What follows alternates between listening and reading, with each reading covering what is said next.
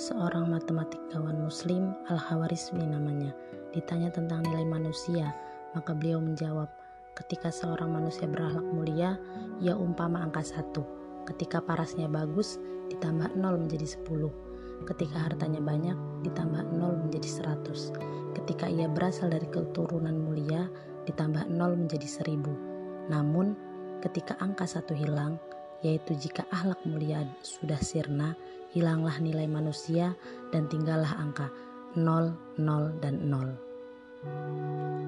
Begitupun dengan Imam Al-Ghazali yang mendefinisikan ahlak dalam kitabnya Ihya Ulumuddin bahwa ahlak itu adalah suatu perangai, watak, tabiat yang mana itu merupakan sumber timbulnya perbuatan-perbuatan dari dalam diri seseorang yang itu secara spontanitas tanpa perlu direncanakan ataupun dipikirkan.